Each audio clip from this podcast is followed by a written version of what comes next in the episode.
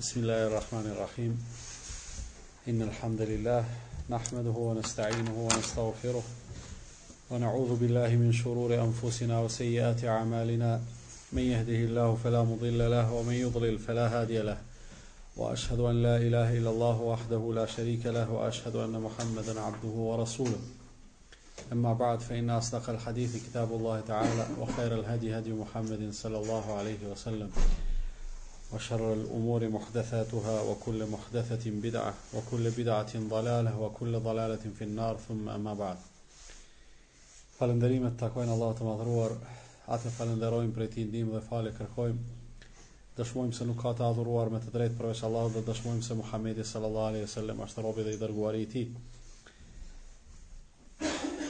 Të nderuar vëllezër dhe motra, ashtu sikurse edhe kemi paralajmëruar ë takimi ynë i sontëm do të jetë në temën obligimet që i kemi ne si musliman ndaj të dërguarit të Allahut Muhammedit sallallahu alaihi wasallam çfarë duhet të bëjmë që të shprehim dashurinë, lojalitetin, përkrahjen tonë ndaj tij. Para se të fillojmë me obligimet që i kemi ne si musliman, duhet t'ju përkujtoj se ajo që po ndodh tani në kohët e sotme. E ma konkretisht ajo që ka ndodhur para disa javëve me publikimin e karikaturave të Muhamedit sallallahu alaihi wasallam, që në të vërtetë ato nuk kanë qenë të tij, se ai nuk është ashtu sikurse e kanë vizatuar duart mëkatare. Por megjithate, ajo që ka ndodhur, do të thotë e ka lëviz gjithsesi botën islame dhe i kanë ngacmu ndjenjat e muslimanëve ju kisha lut nëse mundeni ala ma që kanë me ardhë me liru vend anë i kade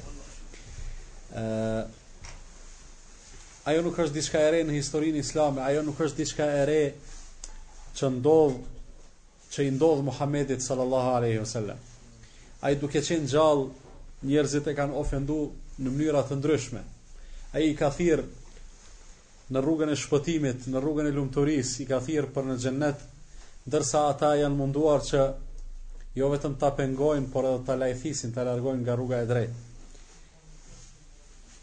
Në surën Ghafir të Kur'anit, Allahu azza wa jalla përmend shembullin e besimtarit të familjes së faraonit, i cili u drejtohet antarëve të familjes së vet duke i thirrur në rrugën e shpëtimit, thotë ja qaumi mali ad'ukum ila an-najati wa tad'unani ila an-nar. Çka është me ju o njerëz që un po u thras edhe po u ftoj që të shpëtoni në rrugën e shpëtimit, ju po më thresni Në zjarr, në rrugën e shkatërrimit. Kështu ka qenë Muhamedi sallallahu alejhi wasallam, kështu kanë qenë të gjithë të dërguarit e Allahut. Ata i kanë thirrë njerëzit në rrugën e ndriçuar, në rrugën e drejtë të rrafshët, edhe përfundimi i së cilës është gjithsesi shpëtimi. Ndërsa vazhdimisht ka pas të atillë që u janë kundërvu të dërguarve janë sjellur keq me ta, i kanë përqesh, i kanë ofendu e kështu me radhë. Kështu ka ndodhë edhe, Muhammed, edhe me Muhammedin sallallahu alaihi sallam, të cilin populli i vetë, ata me të cilët Muhammedin sallallahu alaihi sallam e lidhë prejardhja fisnore, filluan ta ofendojnë duke e quajtur të çmendur duke e quajtur magjistar, duke e quajtur me epitete të ndryshme apo me nofka të ndryshme ofenduese, ndërsa Allahu subhanahu wa taala është ai i cili i doli në ndihmë dhe e përkrahu ashtu sikur bën gjithnjë. Do thon Allahu azza wa jall gjithnjë ju del n'ndihmë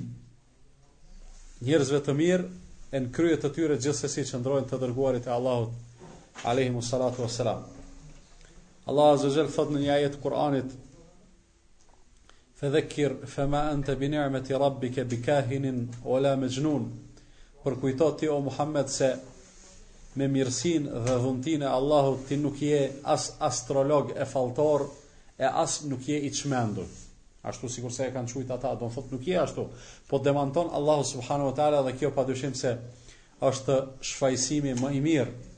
Demanti më i fortë që mund të bëhet duke e pas parasysh se krijuesi i gjithësisë është ai i cili po e shfajëson të dërguarin e vet. Në tjetër ajet Allahu azza wa jall thot: "Wa ma huwa bi qawli sha'ir qalilan ma tu'minun." Dhe ato fjalë që po i ndëgjoni prej Muhamedit nuk janë fjalë poeti, Në të vërtetë, me me e qujt dikend poet nuk është ofendim në esencë. Mirëpo, me e qujt të dërguarin e Allahut poet është ofendim. Për çfarë arsye? Për arsye se një njeri i cili ndoshta nuk është i nivelit shumë të lartë me ngrit për një shkallë apo për dy, për te do të ishte lavdatë. Mirëpo njeriu i cili ka shku shumë lart me zbrit një 10 shkallë te poshtë, edhe pse për tjetrin është është ngritje, do thon për te do të ishte ofendim. Edhe në këtë rast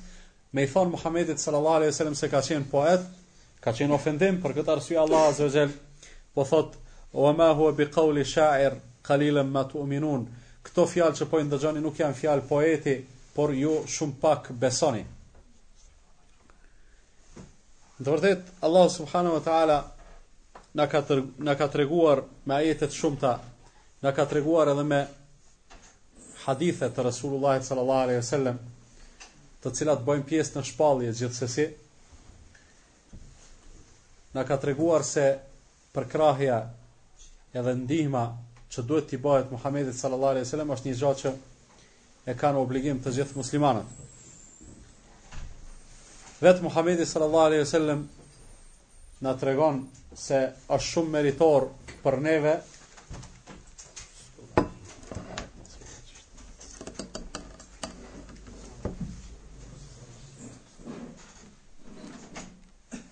na ka treguar se është shumë meritor për neve që jemi udhëzuar në rrugën e drejtë dhe për këtë arsye ja kemi borxh dashurinë thot Resulullah sallallahu alaihi wasallam La yu'minu ahadukum hatta akuna ahabba ilejhi min walidihi wa waladihi wan nasi ajma'in. Asnjëri prej jush nuk do të jetë besimtar përderisa unë të mos i jem më i dashur sesa prindi i tij, fëmiu i tij dhe të gjithë njerëzit. Edhe mendoj se muslimanët një gja të tillë e kanë të qartë edhe e ndijnë e e përjetojnë në zemrat e tyre. Përderisa është kështu, ne gjithsesi duhet të njihemi me obligimet që i kemi ndaj Muhamedit sallallahu alaihi wasallam. Dhe këto obligime nuk janë obligime të natyrës së barrës edhe randimit. Do thon obligimet që i kemi ndaj Muhamedit sallallahu alaihi wasallam nuk janë obligime që vetëm pse Vetëm pse Allahu Azza wa Jall na ka bo mirë, na ka dhon dhunti dhe një prej atyne dhuntive pa dyshim është edhe dërgimi i Muhamedit sallallahu alaihi wasallam. Dhe me këtë nuk ka dasht Allahu Azza wa Jall që vetëm të na rëndojë me këto obligime, mirëpo me këto obligime ne e shprehim mirënjohjen tonë ndaj Allahut Azza wa Jall dhe njëkohësisht e Mundohemi që të kompenzojmë atë mirësi që na e ka bo Allahu nëpërmjet Muhammedit alayhi salatu wasalam. Dhe s'ka dyshim se frytet dhe rezultatet e këtyre obligimeve që kryhen si duhet prap kthehen tek ne. E mira e saj, do thon prap është në shfrytëzimin tonë. Obligimi i parë që e kemi është të kemi iman, të kemi besim të paluhatshëm në pejgamberllëkun, në të qenurit e Muhammedit sallallahu alaihi wasallam i dërguari i Allahut. Dhe njëkohësisht të besojmë në vërtetësinë e krejt asaj me çka ka ardh Muhammedi sallallahu alaihi wasallam. Ne të gjithë e dimë se prej kushteve apo ma mirë me thon prej pjesëve përbamëse të imanit, të besimit në Islam, është që njeriu Krahas asaj që e beson Allahun ashtu si duhet të besohet, duhet të besojë edhe në disa gjana tjera, një prej atyre është të besojë në të dërguarit e Allahut, e një prej tyne i fundit, po gjithsesi më i vlefshmi dhe më i rëndësishmi, duke mos i zhvlerësuar të tjerët, është Muhamedi sallallahu alaihi wasallam, me të cilin Allahu Azza wa Jall e përmbushi edhe e përmbylli misionin e Pejgamberllëkut me te e përmbushi edhe e përmbylli shpalljen dhe pas vdekjes së Muhamedit sallallahu alejhi ve selem askujt mo në tokë nuk i vjen shpallja prej Allahut azze ue xhel. Do thon është kusht edhe pjesë përbamëse e besimit që të besojmë në faktin se Muhamedi sallallahu alejhi ve selem ka qenë i dërguari i Allahut. Por njëkohësisht Në këto hyn që gjithsesi të besojmë edhe të vërtetojmë se krejt ajo me çka ka ardh Muhamedi alayhis salam, krejt ajo çka ka thon Muhamedi sallallahu alaihi wasallam ajo është e vërtetë. Pra, të pranojmë vërtetësinë e asaj me çka ka ardh Muhamedi sallallahu alaihi wasallam. Pasi ta kryjmë këtë pikë teorike këtë pikë e cila ma shumë i përgjigjet, a, përgjigjet anës shpirtërore bindjes, konsiderimit e kështu me radhë, menjëherë vjen një obligim që gjithsesi është praktik. Ai obligim praktik ka të bëjë me obligueshmërinë e përuljes dhe respektimit të Muhamedit sallallahu alaihi wasallam. Kur themi përulje e kam për qëllim dëgjueshmëria dhe respekti maksimal për arsye se Allahu Azza wa Jall respektin ndaj vet Allahut, ndaj vet Zotit e ka kushtëzu me respekt edhe dëgjueshmëri ndaj Muhamedit sallallahu alaihi wasallam. Nuk ka mundësi njeriu të jetë i dëgjueshëm ndaj Allahut nuk nëse nuk është i dëgjueshëm ndaj Muhamedit alaihi salatu wasallam. Për arsye se Muhamedi alejhi salatu ves selam praktikisht na mëson se si duhet me qenë të dëgjueshëm dhe respektues ndaj Allahut. Për këtë arsye Allahu thotë: "Wa men yuti'ir rasule faqad ata'a Allah." Ai i cili e dëgjon edhe e respekton të dërguarin, ai e ka dëgjuar dhe respektuar Allahun. Ngase ajo është një tanësi e cila nuk ndahet. Muhamedi alayhi salatu wasalam me jetën dhe veprimtarinë e vet, po edhe me diturinë dhe thirrjen e vet, nuk na ka thirrur në diçka tjetër përveç asaj në çka na ka thirrur dhe na ka udhëzuar Allahu azza wa jall. Andaj të jesh i dëgjueshëm ndaj Muhamedit alayhi salatu wasalam, i cili gjithsesi ka qenë ma i dëgjueshmi ndaj Allahut, i cili gjithsesi ka qenë respektuesi më i madh, shembëlltyr në respektimin e Allahut Azza wa Jall, do të thotë të jesh i dëgjueshëm ndaj Muhamedit alayhi salatu wasalam, automatikisht nënkupton të jesh i dëgjueshëm ndaj Allahut Azza wa Jall. Dhe kjo dëgjueshmëri dhe përulje, ky respekt ndaj Muhamedit alayhi salatu wasalam përmban në vete krejt rrugën e drejtë krejt islamin nuk ka mundësi njeri me qenë musliman edhe me thonë po jetoj ndryshe përveç se ashtu qysh na ka mësu Muhammedi a.s.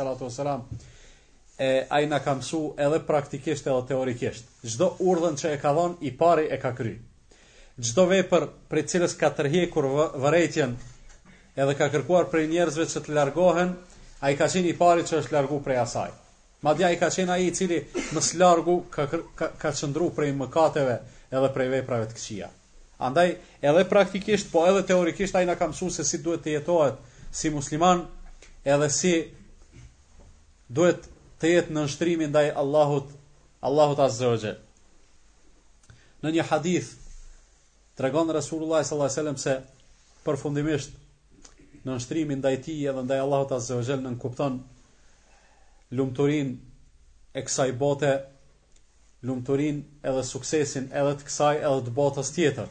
Ngase njeriu kur jeton në përulje ndaj Allahut azza wa jall, ai gjithsesi ka me e ndi veten të lumtur, edhe gjithsesi jeta e tij ka me qenë e suksesshme, edhe pse mundet që sipas disa kritereve materiale Dikush ndoshta me qëndru ma mirë se ai, dikush me qenë ma i pasun se ai, dikush me qenë në pozitë ma të lartë se ai e kështu me radhë, mirëpo pasuria edhe pozita nuk janë kriteret e vetëm, madje as nuk janë kritere kryesore për të qenë dikush i lumtur, se sa e sa njeriu ka pasuri mirëpo nuk është i lumtur. Sa e sa njeriu është në pozitë të lartë, mirëpo prapë nuk është i lumtur. E sa e sa bariu jeton nëpër bjeshkë të ndryshme, Por, e ndin veten shumë të lumtur, jeton jetë pa gajle, pa probleme, pa brenga dhe është i kënaqur me ato çka i ka dhënë Allahu subhanahu wa taala. Për çfarë arsye? Për arsye se lumturia matet me kritere shumë specifike e jo vetëm me ato që duken edhe preken. Andaj, për të qenë jeta e lumtur, duhet gjithsesi të pasohet Resulullah sallallahu alaihi wasallam Dhe ai na tregon se edhe lumturia e përjetshme, ajo e botës tjetër, varet nga e, nga ajo se sa njeriu është i dëgjueshëm dhe respektues ndaj tij. Thot në një hadith, kullu nasi jedhulune el gjennete illa men eba. Të gjithë njerëzit do të hyjnë në gjennet, të gjithë njerëzit do të hyjnë në gjennet, përveç atij i cili refuzon. I kanë thonë, i ka thonë dikush ja Resulullah, po kush është ai që refuzon të hyjë në xhennet? Thot ai i cili është i përulur dhe respektues ndaj meje, ai do të hyjë në xhennet, ndërsa ai i cili më kundërshton mua dhe nuk më dëgjon mua, ai ka refuzuar të hyjë në xhennet. Ngase xhenneti nuk është vetëm të thuhet një po apo një jo për të hyrë në te. Mirëpo, kërkon dëshmi, që është dëshmia e besimit edhe e shprehjes së përkatësisë fetare me shahadet, e kjo dëshmi pastaj i kërkon veprat të cilat e konfirmojnë atë përkatësi edhe të cilat e konfirmojnë atë lojalitet që gjithsesi duhet të vërtetohet me vepra. Andaj me vepra ne tregojmë se sa e dojmë Muhamedin sallallahu alaihi wasallam apo sa nuk e dojmë. Me vepra dëshmojmë se a dojmë të hyjmë në Xhennet apo refuzojmë ta bëjmë një gjë të tillë. Normalisht ky hadith nuk duhet të përdoret sikurse kam dëgjuar se një person duke e cituar këtë hadith e ka citu vetëm deri në gjysmë, duke mos u treguar njerëzve se esenca e këtij hadithi nënkupton veprimtari, nënkupton angazhim, pozitivitet, Por ai e ka citu vetëm deri në gjysmë, ku Resulullahi sallallahu alejhi ve selam thotë se të gjithë njerëzit do të hyjnë në xhenet përveç ata të cilët refuzojnë, e ai pastaj me fjalë të veta po u drejtohet atyre që po e dëgjojnë thotë, e ne nuk refuzojmë të hyjmë në xhenet, apo? Ata këtë po i thonë po, domethënë e siguruam vizën, a nuk është kështu? Viza sigurohet me punë dhe me vepra, jo me me pretendime dhe me deklarata të thata. pastaj prej obligimeve që ka muslimani ndaj Muhamedit sallallahu alaihi wasallam është që atë ta marr shembull ta marr shembull dhe model në të gjitha çështjet e jetës së tij. Edhe këtu kjo e treta e plotëson ato të dytën kur thash obligimi i dëgjueshmërisë dhe respektit. Njerëzit njerëzit Në përgjithësi, kur kërkojnë prej dikujt respekt, apo kur di, prej dikujt kërkojnë lojalitet, apo dëgjueshmëri, nuk do të thotë se vetë janë të përpikt në ato çka e kërkojnë. Domethonë dikush kërkon prej ka plot raste, për shembull prindi i thot fëmijut mos pi duhan, vet e pin. Ose mjeku e këshillon pacientin, lere duhanin ndërsa vet e pin. Ose Mësuesi, arsimtari, u thotë nxënësave, mos pini duhan ndërsa vetë e pinë. Domethonë, respekti që duhet të tregojmë ndaj Muhamedit alayhis salam nuk është i këtill. Ngase po e përsëris kur ka qenë pyetje me me e kry një obligim, ai i pari e ka kry. Edhe atë në formën më të mirë, në formën më të përsosur që që ka qenë e mundshme. Kur ka qenë pyetje me u largu prej një vepre të keqe, prej një vesi, Prej një të ndaluare, ai prap ka qenë i pari që është largu e pastaj u ka thonë njerëzve largohuni. Edhe ai ka qënd, ka qëndru ma së largu prej vetive të këqija dhe veseve të këqija. Për këtë arsye, kjo që po them tash, kjo pika e tretë, të marrit shembull edhe model në Muhamedin alayhi salatu wasalam do të thot pasimi i tij praktikisht në atë çka ai ka vepru. Pasimi i tij praktikisht në ate çka ai ka vepru edhe vërtet kjo është një punë shumë e madhe për arsye se Muhamedi alayhi salatu wasalam me sjelljet e veta dhe me veprimtarinë e vet ka dëshmu se vërtet ka qenë njeri i mirë, se vërtet ka qenë i zgjedhur i Allahut. Ë ata që edhe ata që e kanë ofendu, edhe ata që e kanë ofendu në kohën e tij, janë mundu me e kontestu lidhjen e tij me qiellin, domethonë shpalljen me e kontestu. Për këtë arsye i kanë thonë, nganjëherë i kanë thonë i çmendun, nganjëherë i kanë thonë falltor, nganjëherë i kanë thonë poet, nganjëherë i kanë thonë se po e mëson dikush. Mirëpo kurrnjëherë, asnjoni prej tyne, nuk e ka kontestu ndershmërinë e Muhamedit sallallahu alaihi wasallam. Ala s'ka dal, edhe s'do të ketë mundësi me dal, një njeri me e kontestu se a ka qenë Muhamedi sallallahu alaihi wasallam njeri i mirë, i sjellshëm, i sinqert, i butë, i dashur, që e flet vetëm të vërtetën asnjëherë nuk gënjen e kështu me radhë. Domethonë asnjëri edhe ata armiqt më të mëdhej, domethonë nuk e kanë kontestuar një gjë të tillë. E kemi shembullin e Ebu Sufjanit, i cili derisa ishte mushrik, Kur them derisa ishte, do me thonë, ai ma vonë e ka pranu islamin. Derisa ishte mushrik, ka shku te në një vizitë në Sham, Bizanti asaj kohe, Sham i thojnë asaj pjesës ku është sot Siria, Jordani, Palestina, Libani, gjith ajo pjesë do me thonë i thojnë Sham.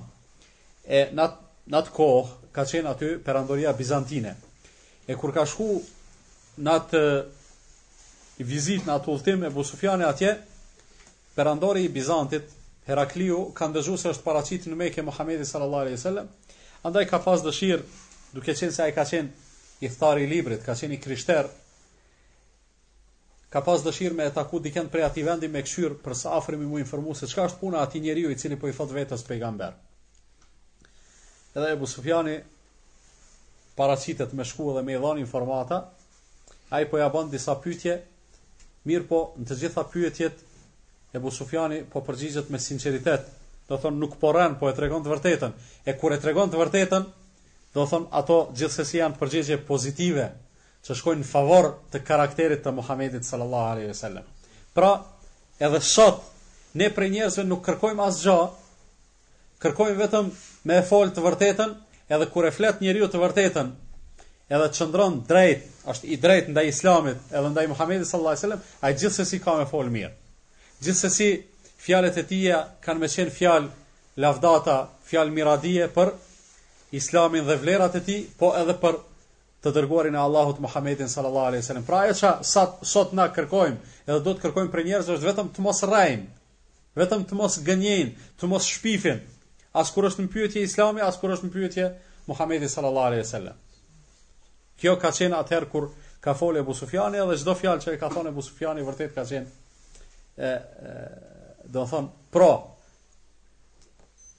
faktit se Muhamedi sallallahu alaihi wasallam gjithsesi është njeri i mirë. Gjithsesi është njeri i mirë.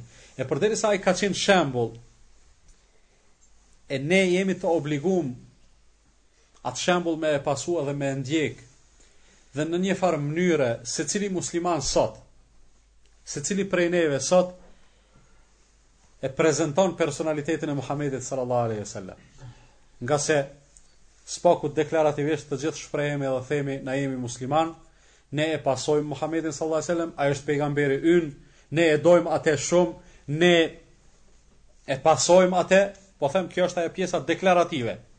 Nëse ndodh që praktika jonë me e përgënjeshtru ato çka flasim, nëse ndodh që ne edhe pse i themi vetit muslimanë edhe pasues të Muhamedit sallallahu alejhi wasallam, por Nuk sillemi ashtu si është sjellë Muhamedi sallallahu alejhi wasallam. Morali i jonë nuk është sikurse morali i tij. Sjellja e mirë e tij nuk është askund prezente në sjelljen tonë, atëherë ta dimë se edhe ne bëjmë pjesë në grupin e atyre të cilët e ofendojnë Muhamedin sallallahu alejhi wasallam. Edhe e ofendojnë Islamin. Pse? Për arsye se ti bahesh shkaktar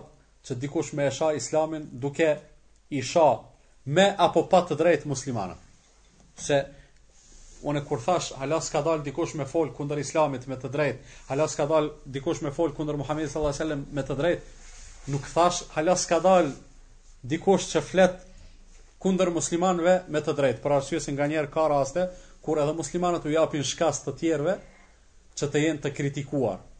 Andaj, secili musliman i cili pretendon se është pasues i Muhammedit sallallahu alaihi wasallam, nëse nuk është i mirë, aq sa duhet me qenë i mirë, le ta dinë se praktika e tij dhe vepra e tij e ofendojnë Muhammedin sallallahu alaihi wasallam dhe bëhen shkaktar që ai të shahet, ngase secili prej neve praktikisht duhet me e paraqit profilin e muslimanit, e profili i muslimanit është si duhet me qenë muslimani, e ne shpesh herë nuk jemi ashtu si duhet me qenë muslimani, s'jemi as në sjellje, s'jemi as në pamje, s'jemi as në veshje, s'jemi as në hecje, Gjona të thjeshta që nuk kushtojnë e të mos flasim ma në raport me të tjerët, e në sjellje e në kontakt me të tjerët, e në besnikri, e në ruajtje të emanetit, e në precizitet, në termine, e në fjalë e të ngjajshme. Domethonë, krejt këto janë defekte të cilat deshtëm apo s'deshtëm me i pranu, janë prezente në jetën tonë, E përderisa janë kështu atëherë ne po e paraqesim Islamin në një formë të errët. Islamit po i japim një imazh i cili nuk i takon edhe i cili nuk është nuk është origjinal. Pastaj prej obligimeve që ka muslimani ndaj Muhamedit sallallahu alaihi wasallam është gjithsesi dashuria ndaj tij, madje Ajo dashuri duhet të jetë mbi nivelin e dashurisë që ka njeriu ndaj prindërve të vet, ndaj fëmijëve, ndaj atyre me të cilët jeton, ndaj atyre të cilët i don e kështu me radhë. Bile muslimani duhet me e dashtë Muhammedin sallallahu alaihi wasallam edhe ma shumë se vetveten. Në hadithin që e citum në fillim Tregon Resulullahi sallallahu alejhi ve sellem se asnjëri nuk është besimtar i mirë edhe i drejtë edhe i sinqert, përderisa të mos e dojë atë ma shumë se prindin, fëmijën edhe të gjithë njerëzit. Omer ibn al-Khattabi, njëri prej shokëve të ngushtë të Muhamedit alayhi salatu wasalam, një herë i ka thonë: "Ja Rasulullah, vallahi, unë ty të du ma shumë se prindin tim, ma shumë se fëmijën tim, ma shumë se të gjithë njerëzit." Veç veten time e du ma shumë se ty. I ka thonë Omer, nuk je në rregull. Nuk je në rregull. As veten nuk duhesh me e dashtë ma shumë se sa mua. Atëherë Omeri u ndal për një çast mendoi edhe e kuptoi se vërtet Muhamedin alayhi salatu wasalam duhet me e dashtë ma shumë se sa vetveten, ngase ajo dashuri buron prej ndjenjës së mirënjohjes që duhet me pas njeriu muslimani ndaj atij që i ka bo mirë. Edhe s'ka dyshim se neve Allahu Azza wa Jall me dërgimin e Muhamedit alayhi salatu wasalam na ka bo mirë ma shumë se sa na ka bo mirë prindi apo që mund të na boj mirë fëmiju apo çak ma shumë se sa që kemi mundësi ne t'i bojmë mirë vetes tonë. Për këtë arsye edhe duhet të duhet Muhamedi sallallahu alaihi wasallam ma shumë se çdokush prej njerëzve. Pastaj në këtë dashuri gjithsesi hyn edhe respekti respekti në atë kuptimin po them formal, jo në atë kuptimin që folëm deri tash respekt në dëgjueshmëri e në pasim e kështu me radhë, mirëpo respekt që edhe kur flasim, edhe kur e përmendim emrin e tij, edhe kur flasim për të, duhet me fol me respekt. Për shembull, nuk është prej respektit muslimani kur flet don me e citun ndonjë hadith ose don me fol diçka ose don me e bo një pyetje, edhe me thonë, "Qysh ke Qysh ke ajo thanja që e ka thonë Muhamedi? Edhe kshtu me u ndal, me ja qit pikëpyetjen.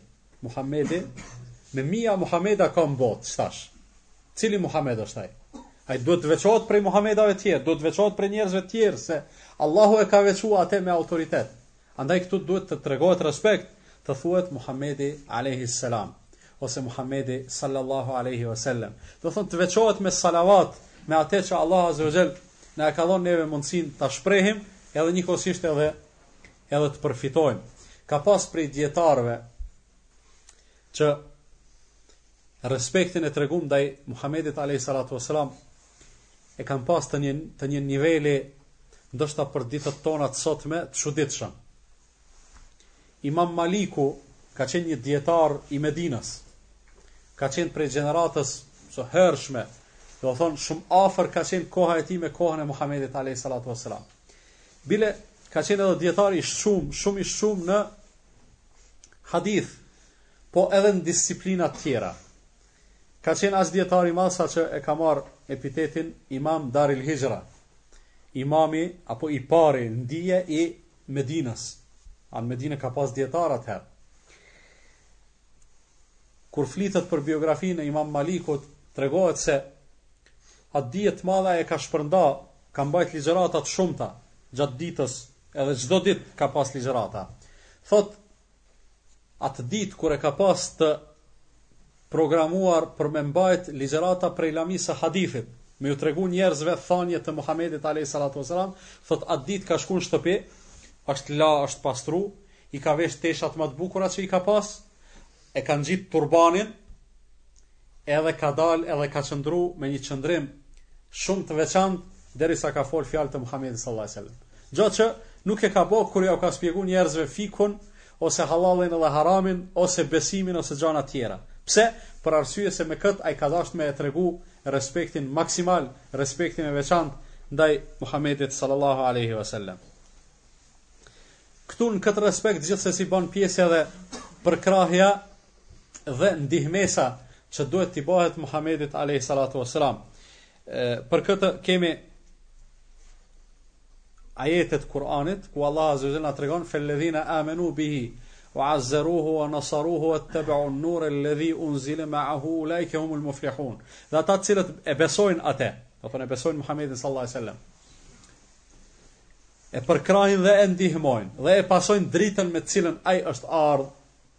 ata do të jenë të shpëtuar dhe ata do të kenë sukses në jetën e tyre.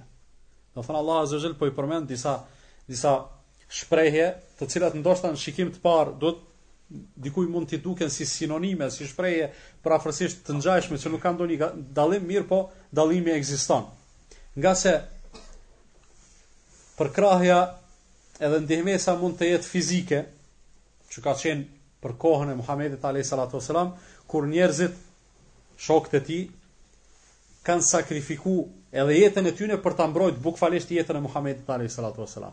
E dini rastin e betejës së Uhudit ku muslimanët pas një gati fitoreje e kthyen atë në disfatë dhe u rrezikua jeta e Muhamedit sallallahu alaihi wasallam edhe fizikisht, edhe bukvalisht dhe disa prej sahabeve u vranë duke e mbrojtur atë, ndërsa Abu Talha Allahu qoftë i kënaqur me të, domethënë i mori disa plagë në trupin e tij, duke dalur me trupin e tij duke u bë mburojë e trupit të Muhamedit alayhi salatu wasalam. Domethënë çka është përkrahje. Pastaj e kemi përkrahjen e Abu Bekrit. Përkrahje e e e pakonkurrencë edhe fizike edhe materiale që ja ka bë Abu Bekri Muhamedit alayhi salatu prej ditës së parë për Abu Bekrin thot Resulullah sallallahu alaihi wasallam thot çdo njeriu që ja kam paraqit islamin është hamend nga pak a me e pranu a mos me e pranu përveç Abu Bekrit thot Abu Bekri kur i kam thon a po bahesh musliman s'është hamend fare menjëherë ka thon po pastaj thot nuk ka asnjë Kapital i cili mu ka gjindë edhe m'ka vy edhe të cilit ja kom pa hajrin ma tepër se sa pasuria e Ebu Bekrit. Ai krejt pasurinë e vet e ka mobilizu për islam. Kur i ka thonë pejgamberi sallallahu alajhi wasallam çka le për vete dhe për familjen tënde, tha i lash Allahun edhe pejgamberin e tij. Do të thotë tjerat, krejt i ka shpenzu, krejt i ka i ka dhonë, i ka mobilizu në rrugën e Allahut subhanahu wa taala. I ktillë ka qenë Abu Bekri, ktillë kanë qenë sahabët e shumtë Ndonjani prej tyne veç me e ditë se Pejgamberi sallallahu alejhi ve sellem po ka dëshirë diçka, do thonë kanë qëndru në kamb ose kanë bo kanë derdhë mund ose kanë bo angazhim ose kështu me radhë. Mirë, derisa ka qenë gjallë, po ma vonë, prap ka mundësi të përkrahet, prap ka mundësi të ndihmohet Muhamedi alayhi salatu wassalam. Qysh ashtu? Pas vdekjes së Muhamedit sallallahu alaihi wasallam, Allahu azza wa jall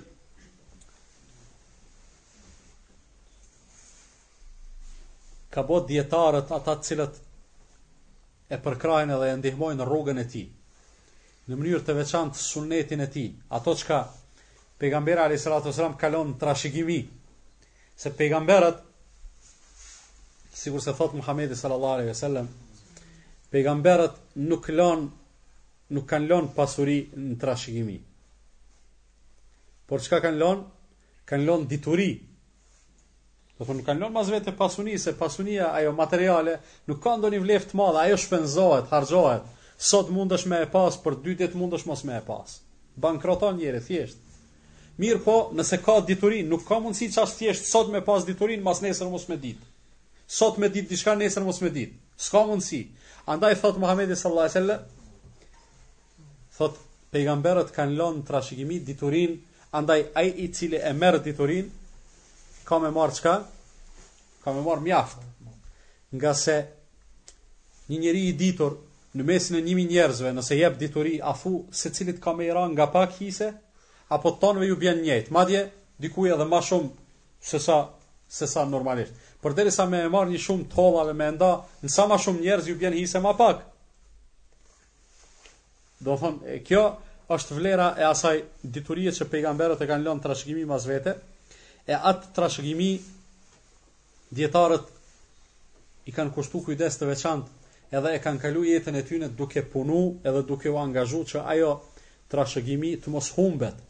Për këtë arsye sot kemi koleksione të haditheve, libra në cilat janë shkru thaniet e Muhammedit sallallahu alaihi wasallam. Përveç kësaj kemi koleksione të atilla që dijetarët vërtet kanë dhënë mund shumë të madh dhe e dimë se nëse filan hadithi ndodhet në filan koleksionin e dimë hiç pa dyshim se ai hadith është autentik atë hadith e ka thonë sigurisht pejgamberi alayhi salatu wasalam për shembull të këtilla janë dy koleksionet apo dy librat më të saktë të hadithit, koleksioni i Bukhariut edhe i Muslimit. Bukhariu, Allahu e mshiroftë, ka qenë dijetar i cili ka vdekë në vitin 256 të hixhretit, Shtatë mijë e sa hadithe i ka koleksioni i tij, asnjë hadith nuk e ka shënu për pa marrë abdes edhe për pa i falë dy rekatë namaz. Ama ato shtatë mijë hadithe, a thu veç ato i ka ditë Bukhariu? Jo, ka ditë me qindra mija hadithe.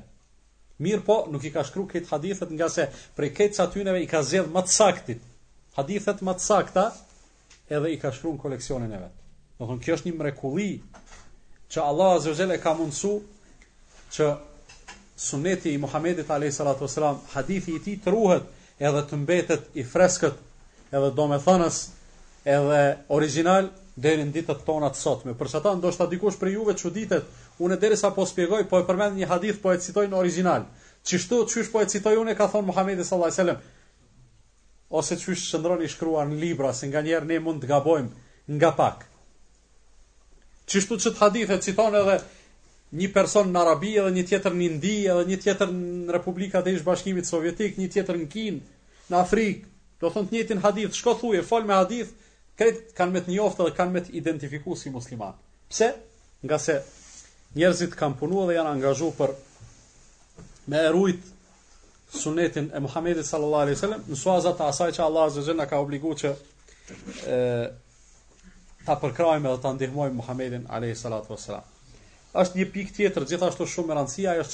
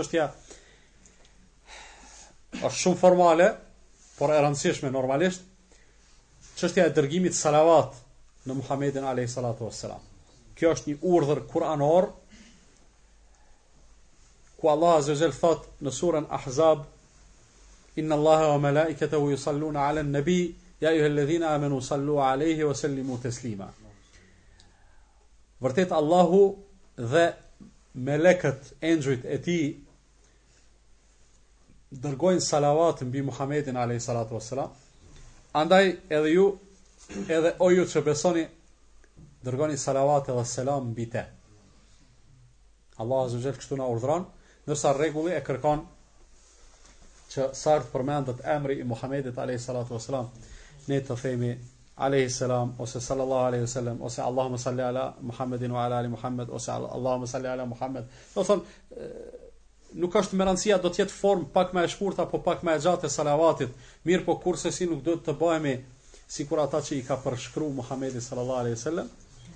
Në një rast derisa ka qenë duke u ngjitur në mimber, edhe po thot amin, diçka po thot amin, a mos po e din se çka, kur po e pyesin çka u puna, thot erdhi Xhibrili dhe më tha i raftë huna në tokë atij personi i cili përmendësh ti në prezencën e tij e ai nuk dërgon salavat mbi ty, tha unë thashë amin.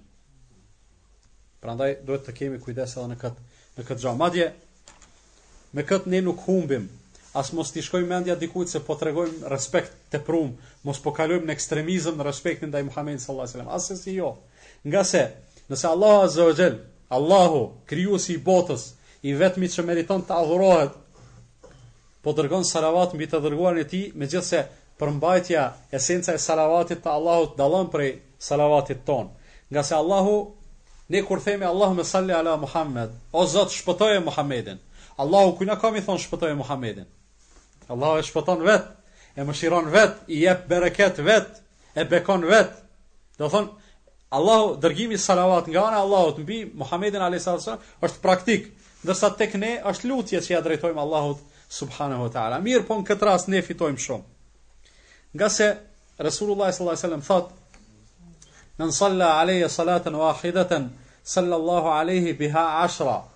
Ai i cili e dërgon vetëm një salavat, vetëm një herë bën salavat mbi mua, thotë Allahu do të dërgoj salavat mbi te 10 herë. 10 herë në numër. Po edhe edhe në esencë. Pse? Se Allah ne lutemi një herë, Allahu na jep shpërblim dhjetë herë, se Allahu prapë po them, nuk lutet, nuk ka nevojë t'lut, ai është ai i cili i jep shpërblimin edhe i jep i jep të mirat. Gjithashtu prej obligimeve që kemi ndaj Muhamedit sallallahu alajhi wasallam është të gjykuarit, domethënë kur ka njeriu ndonjë kontest, ndonjë mosmarrëveshje, domethënë duhet të kthehen tek Allahu dhe tek i dërguari i tij dhe at që e gjykon i dërguari i Allahut Muhamedi sallallahu alaihi wasallam gjykimi i tij me qenë domethënë i padiskutueshëm me qenë i pranueshëm tek të gjithë dhe obligimi tjetër është që t'ia japim pozitën meritore që e ka, duke mos lënë mango asgjë, po njëkohësisht edhe duke mos e tepruar në asgjë, se disa njerëz nganjëherë teprojnë, sikurse e kanë tepruar vet Muhamedi sallallahu alaihi wasallam u ka thënë shokëve të vet, La tutruni kema atratin nasara Isa ibn Maryam. Mos e teproni me mua ashtu sikurse e teprun të krishterët me Isain të birin e Merjemës. Pse të krishterët e kanë tepruar se një herë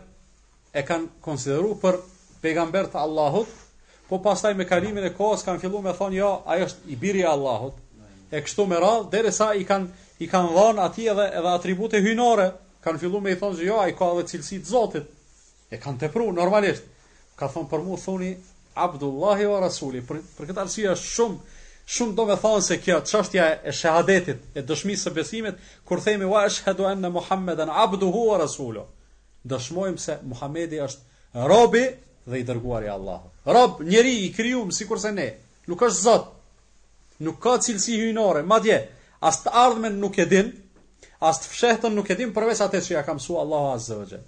Njëri ka ardhur dhe i ka thënë Muhamedit sallallahu alaihi wasallam, "Masha Allahu wa shi't." Çka të don Allah edhe çka të dush ti bëhet. Është është hidhru pejgamberi sallallahu alajhi wasallam kur kanë bë njerëzit ksi gabime. Edhe i ka thon, a je n'mend ti? A mu po m'ban ortak të Allahut, mu po m'ban rival, mu po m'ban sikurse Allahun azza wa jall? Jo, nuk do të me thon kështu, po do të me thon vetëm Allahu çka don bëhet, jo çka çka don dikush tjetër. Vetëm dëshira e Allahut është e gjithërealizueshme, ndërsa ne dëshirojmë plot dëshirat tona mbesin ëndra, Do të me i qitë në arkiv të dëshirave dikun se kemi pas qef, po kur s'ja kemi arrit me i realizu. Kështu, kështu janë të gjithë njerëzit se mundësit edhe aftësit e tyne janë të kufizume. Andaj, Muhammedin sallallahu alaihi wasallam duhet me e respektu, me e dashtë, me të gjitha ato, mirëpo normalisht e ka një kufi deri ku dhe asesi ata kufi nuk bën të tejkalohen ngase edhe vet Muhamedi sallallahu alaihi wasallam nuk ka leju që ë që të tejkalohen ata kufij. Është mirë gjithashtu të mendohet edhe për e, argumentet edhe mrekullitë që i ka pas Muhamedi alayhi salatu wasalam, të cilat dëshmojnë ë pa kurrfarë luhatje se vërtet ai ka qenë i dërguar dhe i zgjedhur i Allahut azza wa jall. Pastaj të dihet se Allahu subhanahu wa taala krahas asaj që e ka marrë përsipër ta ruajë Kur'anin prej çfarëdo deformimi e ka marrë përsipër ta ruajë edhe vetë sunetin e Muhamedit sallallahu alaihi wasallam trashëgiminë që e ka lënë pas vete për të cilën folëm pak më herët. Pastaj të dihet edhe të kihen parasysh të mirat e mëdha që Muhamedi alayhi salatu wasalam normalisht me ndihmën dhe caktimin e Allahut azza wa jall i ka lënë pas vetes edhe na i ka na i ka dhënë neve duke e pas parasysh se Allah azza wa jall ka shpall ajet i cili lexohet deri në ditën e Kiametit, ku Allahu azza wa jall thotë en nabiyyu awla bil mu'minina min anfusihim. Pejgamberi është më i afërt edhe më i dobishëm për besimtarët sesa ata që janë për vete. Ngase ai ka ditë ma s'miri, ai ma s'miri e ka njoftë Allahun, ai ma s'miri e ka njoftë rrugën e drejtë, andaj për këtë arsye edhe dëshirat e tij kanë qenë shumë ma të mëdha, shumë ma të drejta për neve, për mirë, sesa, sesa që ne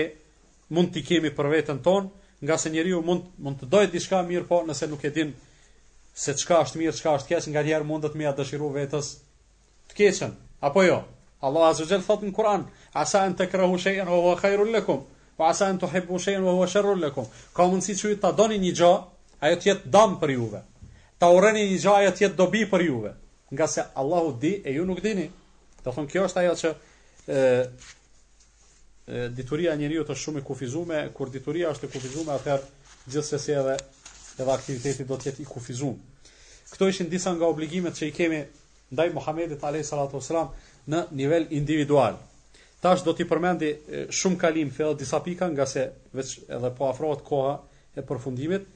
ë obligimet që i kemi ndaj Muhamedit sallallahu alajhi wasallam në rrafshin të them kushtimisht kolektiv, kam për qëllim bashkësitë e vogla, familja, një shoqëri e vogël edhe kështu me radhë. S'pari, secili prej neve, kur i kupton këto obligime që i ka, automatikisht bëhet borxhli që personalitetin e Muhammedit sallallahu alaihi wasallam me nxjerrë në dritë. Ma s'pari çka kemi mundësi me bë fëmijëve tanë me u tregu edhe edhe me u paraqit se kush ka qenë Muhamedi alejhi salatu ves selam. Domethënë atyre t'u tregojmë se kush ka qenë ai dhe ata t'i edukojmë që ta dojnë Muhamedin sallallahu alejhi ve sellem. Pastaj kur ta dojnë, ata automatikisht do të edukohen në pasimin e tij, në të vepruarit ashtu si ka vepruar ai. T'i mësojmë ata se kur hyhet në xhami duhet të hyhet me këmbën e djathtë, kur dilet duhet të dilet me këmbën e majtë, e kur hahet duhet të bëhet bismillah, të hahet me dorën e djathtë, të hahet para vete, t'ua mësojmë fëmijëve qysh në vegjëli, disa thanje, disa hadithe të Muhamedit alayhi salatu wasalam, të cilat ata kanë mundësi shumë thjeshtë dhe shumë lehtë me i mbajt në mend. Hadithin për shembull që ka thënë Muhamedi sallallahu alaihi wasallam, "Ya gulam, samillaha wa kul bi yaminika wa kul mimma yalik." O djalosh, i ka thënë djaloshit që ka qenë tu hangër bashkë me te. Bon bismillah, ha me dorën e djathtë dhe ha para vetes. Këtë hadith secili prej neve ka mundësi fëmijës të vet të vogël me ia mësu. Edhe ai kur e mëson këtë me fjalë, ai aty ka me ju kujtu se cila është dora e djathtë. E çka duhet me bë me të, e me cilën duhet me hangër e kështu me radhë. Edhe plot shprehje të tjera të jetës së përditshme, jo delikate, jo ato të vështira të randat. Mirëpo dosido që ai ka me mësuar një fjalë në qat në qat kuptim. Atëherë mësoja një fjalë që e ka thon Muhamedi sallallahu alaihi wasallam. Pastaj, në rrafshin familjar, kemi mundësi edhe duhet, e kemi obligim, që t'i kemi, t'i sigurojmë literaturën, librat, kasetat, krejt mjetet e nevojshme të cilat flasin edhe na informojnë neve për jetën e Muhamedit alayhi salatu wasalam. Neve dhe familjet tona. Apo e shifni, na sonte patëm rast me ndëgju disa fjalë. Kemi pas rastin ligjërata të tjera edhe edhe të ligjëruesve të tjerë edhe kështu me radhë. Mirëpo, Kemi, secili prej neve ka në familjet tona të atillë që ndoshta kurrë nuk ka kontakt me me ligjëratën, me dersin, me xhaminë, me librin islam, me kasetën islame. Andaj na kemi obligim ndaj qatyne njerëzve.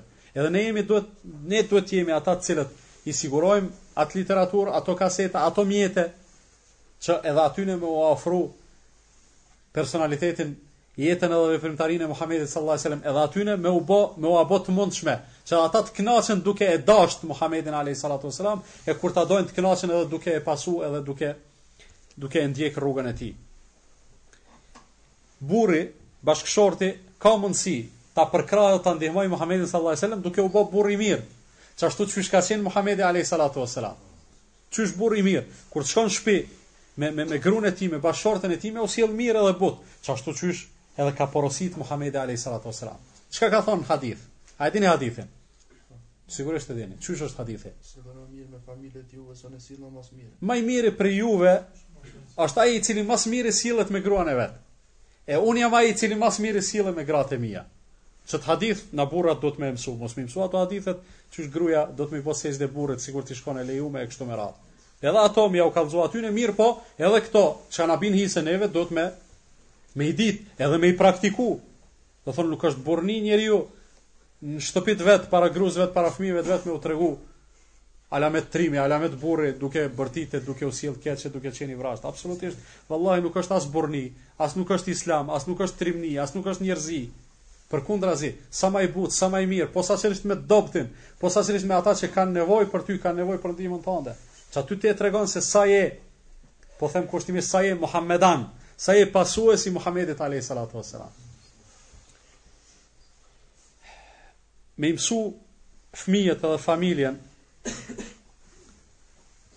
me me me i eduku, me i përgatit që t'i mësojnë duat edhe dhikrin që e ka bo Muhamedi alayhi salatu wasalam. Kur del prej shtëpisë çka duhet me thon? Kur hyn në shtëpi çka duhet me thon? Hyn në xhami del prej xhamisë, hyn në banjo, del prej banjës. Krejt këto ka dhikre, ka dua që na, na kur po them me ja mësu fëmijëve, domethënë nënkuptohet paraprakisht na vetë duhet me i ditë gjithsesi. Me ja mësu edhe atyne. Çka duhet me thon kur të bjen në shtrat, kur të zgjohet, krejt ato domethënë me ua mësu fëmijëve dhe anëtarëve të familjes. Edhe përfundimisht, jo pse përfundon, s'kemi çka me thon, mirëpo edhe koha s'po na premton ë me e bë secili prej neve në formën e vet, në atë formë edhe në atë në atë mënyrë qysh i lejojnë mundësitë e veta me e bë një projekt. Edhe atë projekt me realizu n'familjen e vet të ngushtë, nëse ka sukses pastaj me kshyr qysh me e zgjanu. projektin me e titullu një dit me Muhammedin a.s. Edhe me i marrë prej librave të sirës, që ka, alhamdulillah, dhe shqip, edhe t'i nxjerrë shënime një dit qysh e ka kalu pejgamberi sallallahu alaihi wasallam kur është zgju qysh është zgju kur ka dalë në xhami me fal sabahun qysh ka dalë kur është kthy çka ka bë, kur ka hec, kur është ardhur në shtëpi, kur mesdita qysh ka pushu, masdita çka ka bë n'mramje e kështu me radhë. Mësoji ato mirë për vete edhe mblidhi anëtarët e familjes, hajde t'ju tregoj unë qysh ka qenë një ditë e jetës, një ditë e punës e aktivitetit të Muhamedit alayhi salatu wasalam. Pastaj një projekt tjetër të ngjashëm me këto, me thon një ditë në shtëpinë e Muhamedit alayhi salatu wasalam. Qysh në shtëpinë me kshyr jetën familjare qysh e ka pas. e kështu me radhë, e kështu me radhë, domethonë këto gjana janë, janë të shumta, edhe ka mjaft çka të flitet, mirëpo mendoj se fjala ma e mirë është ajo e cila është e pakt, por domethonë se edhe ne assesi me mangësit tona edhe me paaftësit tona nuk kemi mundësi t'ja japim hakun kësaj teme duke e pas parasysh se jemi duke folur për njeriun më të madh që ka shkel në fytyrën e tokës, për më të zgjedhurin dhe më të dashurin të Allahut azze ue xhel, e ate ka mundësi ta lavdrojë vetëm krijuesi i tij përndryshe gjuhët tona janë shumë të mangëta në këtë drejtim. T'ju them të drejtën, kom pas dëshirë sonte me ju fol edhe për një temë tjetër që gjithsesi është aktuale, Po ja që koha s'po na premton, a tema është e gjan, por mos mi u lënë marak, fjala është për ditën e Shën Valentinit. Ka ka çka të flitet në këtë temë për arsye se është një festë pagane, të cilën me injorancë dhe me naivitet të madh pastaj e kanë përvetësu krishterët edhe fatkeqësisht me injorancë hala ma të madhe mas anej praktikisht po e përvetësojnë edhe shumë musliman. I kisha dëshirë me i fol disa disa fjalë lidhur me këtë temë, mirëpo koha nuk na premton. Allahu ju shpërbleft për vëmendjen. E lusim Allahun Azza wa Jall që të na mundsoj që ato që e ndëgjuam edhe e folëm t'i pasojmë edhe të na dhuroj sinqeritet në fjalë dhe në vepra. Nëse keni ndonjë pyetje, urdhënoni. Vla, nuk prish pun, nuk pengon, asgjë nuk pengon që ndonjëri prej juve me e marr lapsin edhe me shkru diçka për Muhamedin sallallahu alajhi wasallam edhe me u dërgu mjeteve të informimit që ata me e botu. Mirëpo, ajo duhet me qenë shumë konstruktive edhe me qenë e nivelit. Do thonë unë qëto ja u kam thënë edhe duket edhe javën e kaluar e kam përmend, po kam përmend edhe herave të tjera. Është mirë me shkru për Islam. Me gjithë mënyrën qysh Me depërtu deri te mjetet e informimit, posaçërisht te, te, te shtypi, me shkru për vlerat e Islamit e sene, mirëpo mënyra duhet me qenë shumë konstruktive dhe njëkohësisht me qenë i nivelit. Mos me dal ti tash un, po tham qe për vete, po kam entuziazëm, po kam dëshirë, mirëpo kaçik nuk kam, edhe me bo një shkrim, një, një, një shkaravin, Ata mezi presin me e botu për çka? Për me thonë qe muslimant sa janë gjendje me i mbrojtë vlerat e tyne. Qe muslimant sa din me e mbrojtë pejgamberin e tyne. E kështu që meqenë që dikush ka aftësi për gjana të këtilla, s'ka dyshim se është mirë të bëhet. Do thonë, elhamdulillah, fronti është i hapun, Edhe me gjona të këtilla ne kemi mundësi, do të thonë t'i t'i promovojmë vlerat e Islamit. Duhet me shfrytëzu rastin pavarësisht se mundet shkrimi mos me qenë për vetë pejgamberin sallallahu alajhi wasallam, se ne edhe një sen duhet me e ditë. Allah azza jalla ka marr përsipër me mbrojt atë për s'gjalli edhe për s'vdekti. Mirëpo ne kemi mundësi që me aktivitetin tonë dhe me angazhimin tonë me e bën ndonjë ndonjë të mirë për veten tonë, ndonjë të mirë e cila do të na gjindet Në ditën kur do të dalim para Allahut subhanahu wa taala. Andaj çkado që shkon se tash ata njerëz që ti kërkon mungojnë shumë, por ata na po duhen për shkak me kon nuk kem kompetent për shkak shumë qoftë hadith ose sa të tjerë. Mirëpo deshta me të me të konsultu për për shembull çka thonë tjerë, ka shumë fjalë me radhje, do të thonë për qoftë filozofë, qoftë shkencëtarë, qoftë njerëz që kanë qenë vetë në shtetet arabe, domethënë që kanë fol shumë mirë ose orientalistë që kanë fol shumë mirë për pejgamberin alajhi selam. A kishin mujt këto domethënë me hi për shembull n'nji artikull me me Unë mendoj që bën me u shërby me ato çka kanë thonë ata. Bon me u shërby ku, ku, ku e kanë folë të vërtetën edhe ku ja kanë qëllu. Mirëpo mos, mos me qenë teksti krejt i, i huazum. Me lonë edhe ti ndonjë gjurmë aty. A keni tjera pytje? Thot, a na u lejohet të falmi në një ambient ku ka meshkuj me të cilët na lejohet martesa? Po, lejohet. Do thonë edhe prezenca e meshkujve të huaj nuk është pengesë që mos më u fal në atë vend, nga se gratë në kohën e Resulullah sallallahu alajhi wasallam janë falë në xhami, edhe aty ka pas plot mashkuj me të cilët e kanë pas lejuar me u martu, edhe kështu ndodh nëpër xhamia në përgjithësi, andaj në bazë të saj lejohet edhe diku tjetër, por normalisht janë kushtet edhe edhe dispozitat se çysh duhet me qenë, domethënë ë mos me qenë ai lejimi bash ashtu i gjan edhe elastik, që mos me ardhë deri te keqpërdorimi i tij normalisht. Thot, kur të përmendet emri i Muhammedit sallallahu alaihi wasallam duhet të çojmë salavate për te, por kur në mesin tonë përmend dikush Allahun, a jemi të obliguar që të themi edhe ne xheleshanu apo diç tjetër? Jo. Nga se Allahu azze ue xhel nuk na ka obligu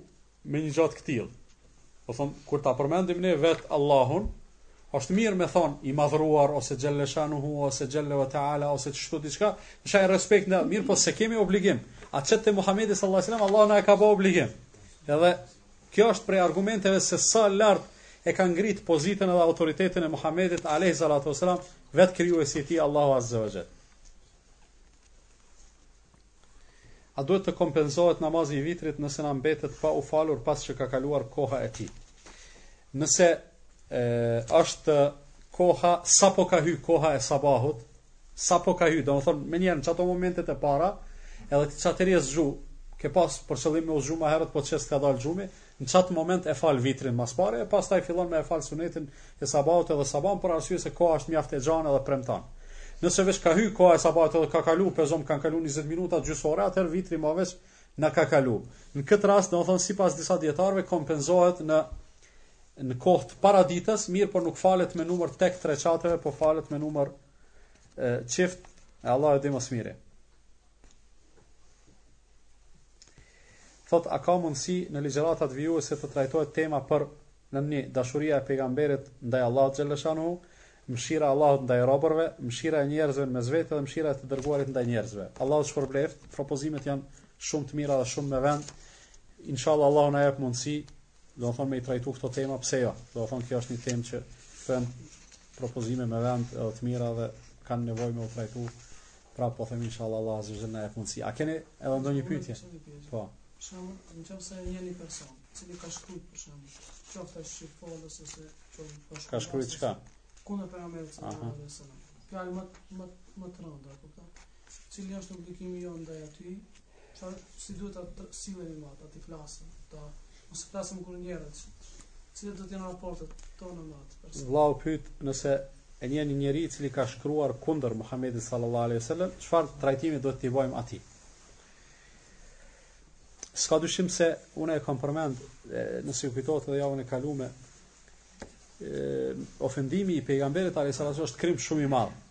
Edhe është krim që juristët kur e kanë trajtu kët kët mëkat, kët gjynah, kanë thonë se disa disa prej tyre, s'është patjetër me kon qëndrim i i saktë, mirëpo për, për ilustrim po e sjelli, kanë thonë se edhe nëse pendohet s'i pranohet pendimi, edhe nëse bëhet musliman s'i pranohet Islami e kështu me radhë.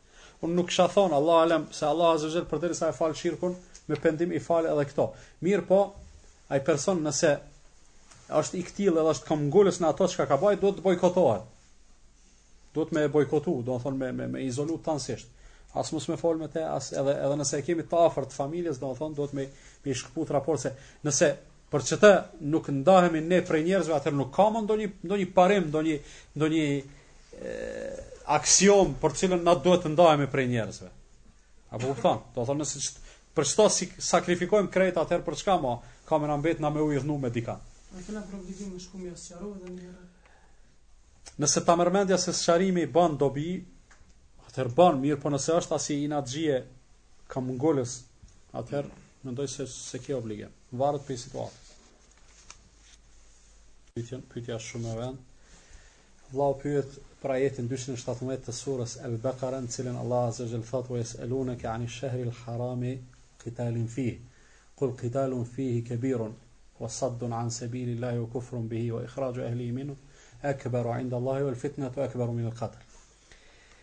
ë të pyesim se shkaku i zbritjes së këtij ajeti është se disa muslimanë do shokë të pejgamberit sallallahu alajhi wasallam kanë dalë në një lloj vëzhgimi ushtarak.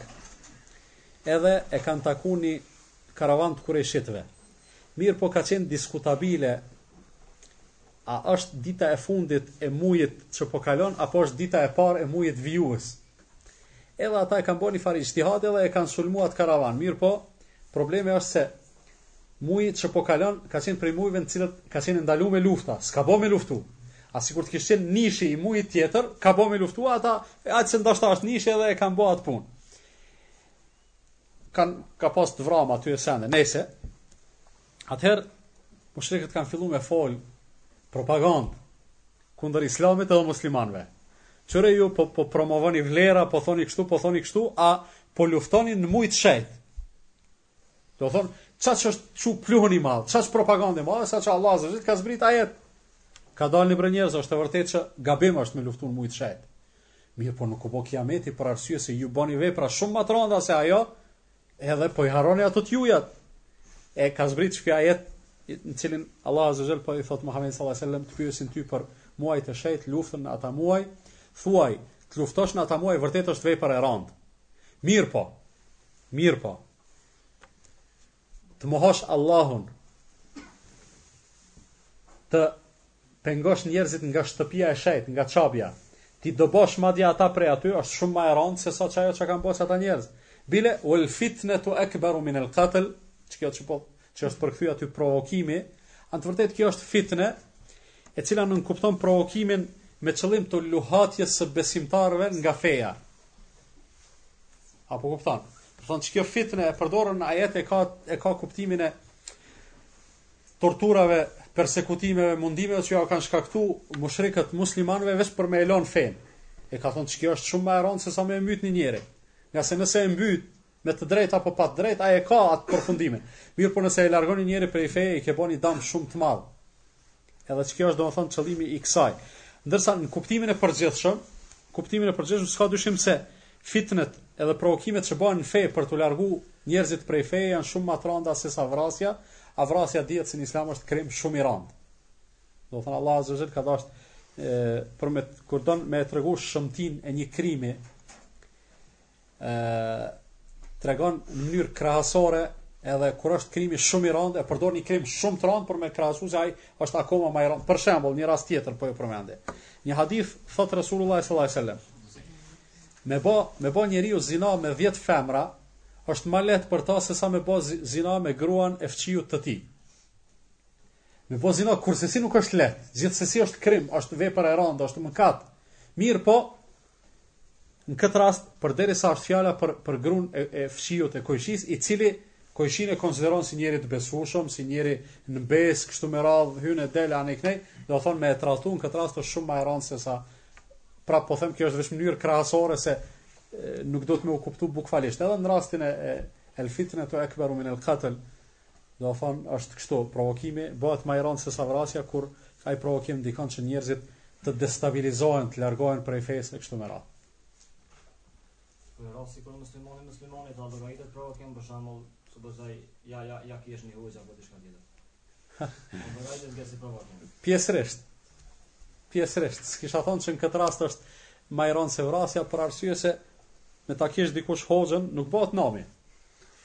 Ama me ta kesh pejgamberin sallallahu alajhi wasallam është e madhe për arsye se ai është i mbrojtun prej gjynaheve, pa të meta, pa sene, që ashtu e ka kriju Allah Azze ue Xhel. Ndërsa na, me na kesh dikush, për shambull mu konkretisht, unë e di që unë di për vete gjynahe, të meta, ala ma shumë se ai që më kesh. Kshtu që, kshtu që nuk duhet na me u fanatizu për persona. Fanatizmi jo, nëse bën me i thonë fanatizëm. Duhet me qenë veç për të vërtetën. E ke gjetë të vërtetën kapu për to me fanatizëm mos e lësho. Ama pse ta shan filani mulla filanin ose mulla fistekun, mos u bën ti shumë merak se nëse na jemi të mirë edhe s'i meritojmë ato shamje, Allah azze ue xhel na shpërblen. A po kupton? Nëse i meritojmë apet s'duhet me na i thon po dikush e thon. Allah mos ta.